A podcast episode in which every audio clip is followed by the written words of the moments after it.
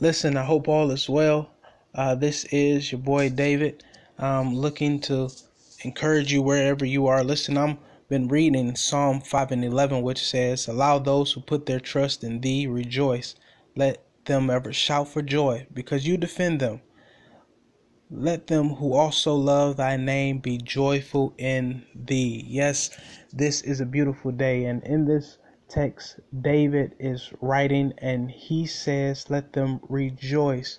Many people suffer from uh, trust issues. Many people have been manipulated, mistreated, abused, and hurt by the hands of man. Maybe you have placed your all in the hands of somebody who had the wrong motives and the wrong intentions. Maybe you have been neglected by a parent or a spouse, or maybe you uh, looked to give yourself to someone and found out that this individual uh, really had the wrong intentions, really had the wrong motives. And David in this Psalm 5, verse 11 is saying, Trust, trust, trust. Your trust shall lead you to rejoice. But he said you should be able to trust God, put your trust in God. And he's saying, God, give the people who trust you a reason to rejoice. Yes, you may have trusted in man. Maybe you have put your trust in the hands of man. Maybe you have been broken and people have mistreated you and not handled you like that box that has fragile written all over that. And they have misused you. But David is saying, put your trust in God. I'm saying, put your trust in God. Uh, because God is the one who created you. He knows you from the inside out. He knows you from the top of your head to the soles of your feet. He knows you because He is the creator. It was in Genesis, the Bible says that God, alongside of those in the heavenly hosts, he says, Let us create man in our likeness. God knows you. God is the one who created heaven and the earth. There is nothing about you that is hidden from God. There your substance, all that you think of, God knows your thoughts. He knows your ups. He knows your down. He knows what keeps you up at night. He knows what you're thinking about at this very moment because this is the God that once again, He created you. God knows the plans in which He think towards you. He He He knows uh, the argument in which you had. He knows your resentment. He knows the frustrations in which you deal with on a day to day basis. God knows all of these things. And this is why David the psalmist could say, put your trust in in God. Put your put your trust in God because he's worth trusting.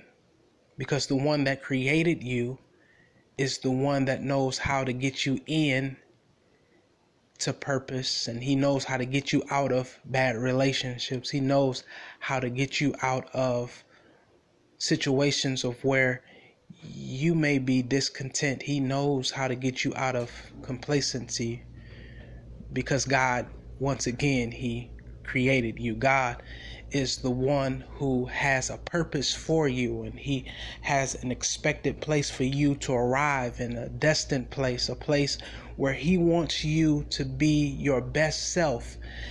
And while we spend our time placing our trust in the hands of man who a lot of times will manipulate, misuse, mistreat, abuse, God is saying, you could use that time to spend in devotion talking to me about your vision, talking about your destiny, talking about your dreams, because I am the type of guy who can make all of those things come into fruition. Why? Because I created you. And when I created you, I created the plan in which I set you on. And I'm am the one who has a storehouse, an unlimited storehouse I have limitless supplies, but because we are humans, I give you free will. And with your free will, sometimes you choose to go your way when all you have to do is trust me, and I will bring you the way in which I want you to go, and you will get to where I need for you to be. Trust trust God. David says you will have a reason to rejoice. And I love that. I love that David says that you will have a reason to rejoice when you trust in God because it means that your emotions have to shift that if you are angry or if you are uh, filled with some type of depression or anxiety, if you trust in God, God will make it so that your emotions shift and you will begin uh, to have a praise on the inside. You'll begin to have a joy on the inside. Your spirit will leap because of He who you put your trust in which means that the circumstances you are now in or the, the, the current place that you are now in will not always be like this if you decide to trust God. It will it will not always hurt. It will not always uh, you will not always be mourning forever. You will not always uh, deal with sickness. You will not always deal with enemies and people hating on you. You will not always deal with those things because if you put your trust in God, God is right for his word. He is true and authentic authentic and genuine to do, to live up to every promise in which He spoke over your life. Therefore, God is going to lift you up to the point where you begin to shout again. You begin to smile again. Your countenance begins to change. Everything about you or will not stay the same, but you will begin to look up and you will look up to the hills in which cometh your help, and you will begin to celebrate because God will make you victorious.